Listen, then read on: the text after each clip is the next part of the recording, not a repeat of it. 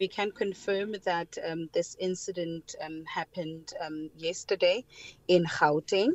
Um, as soon as the management of the South African Police Service became aware of this incident, um, we mobilized all resources, firstly, to trace the victims so that we can obtain statements to them and request them to open a, a case formally at the police station. So we have reached out to these victims and um, we continue to engage with them where we are encouraging them to open a case against um, these uh, members. And secondly, what we did is to identify the particular members on which unit uh, they belong to and um, the circumstances of obviously surrounding uh, this particular incident. But as the management of the South African Police Service, um, we distance ourselves from the conduct and the behavior that is depicted in that particular video because it goes against the values and the SAPS conduct. How many um, members, police officers, would you say were involved in this particular act?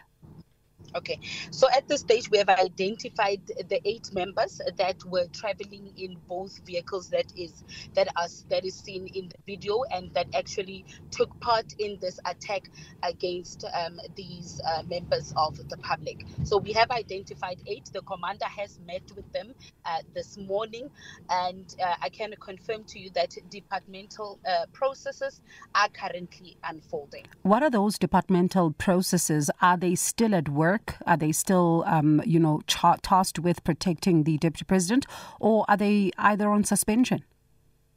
So at this stage, the commander has uh, met with them and he has given them a notice uh, to suspend. Um, that is, we are going according to the human resource management uh, practices and policies uh, that are there the prescripts that are there. So um, we are following that. They have, I can confirm to you that ha- they have been served with notices uh, on for suspension. And I know that, of course, this is, you know, as IPID is saying that it is investigating this particular matter because they are supposed to be coming in in this particular regard. But how speedily can we see IPID getting in, involved here? Because this is assault and it's assault of members of the public. Surely these particular officers should be behind bars as we speak because that's a crime so absolutely we know that ipid is already on board. They have a dedicated team. And as the SAPS we are saying we are going to cooperate with the investigation by the SAPS we are also conducting our internal investigation that will run parallel with that of uh, the ipid so we, we we are cooperating. We are working closely with ipid and as soon as the developments in this matter, uh, whether it be departmental uh, matters, uh, processes that are unfolding, or a criminal case is registered, uh, we will inform and update the nation.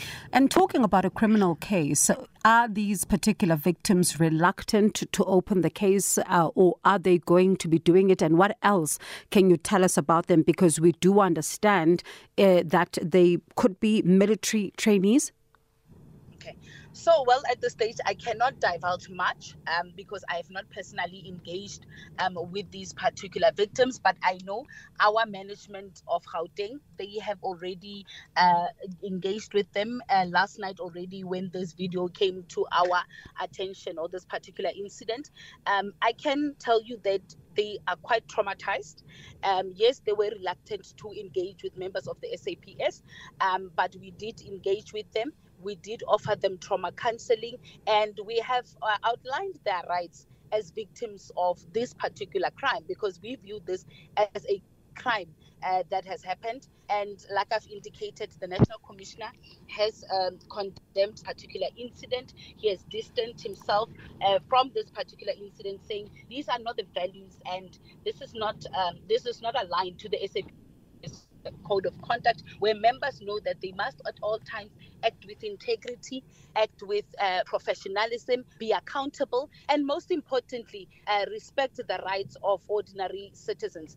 Um, we we are investigating the circumstances surrounding this particular incident, but what we are saying as the management of the South African Police Service is that this incident and this behavior is unjustifiable. And it while really unjustifiable, definitely, and while one, um, of course, has seen this particular particular video on social media circulate, how concerned is the SAPS that some of these uh, incidents happen and they are not recorded, they are not uploaded on social media, and therefore we never get to know what the victims experience in the streets at the hands of these particular VIP officers? Look, we are quite concerned, and this is a matter that is being taken seriously by the management of the SAPS.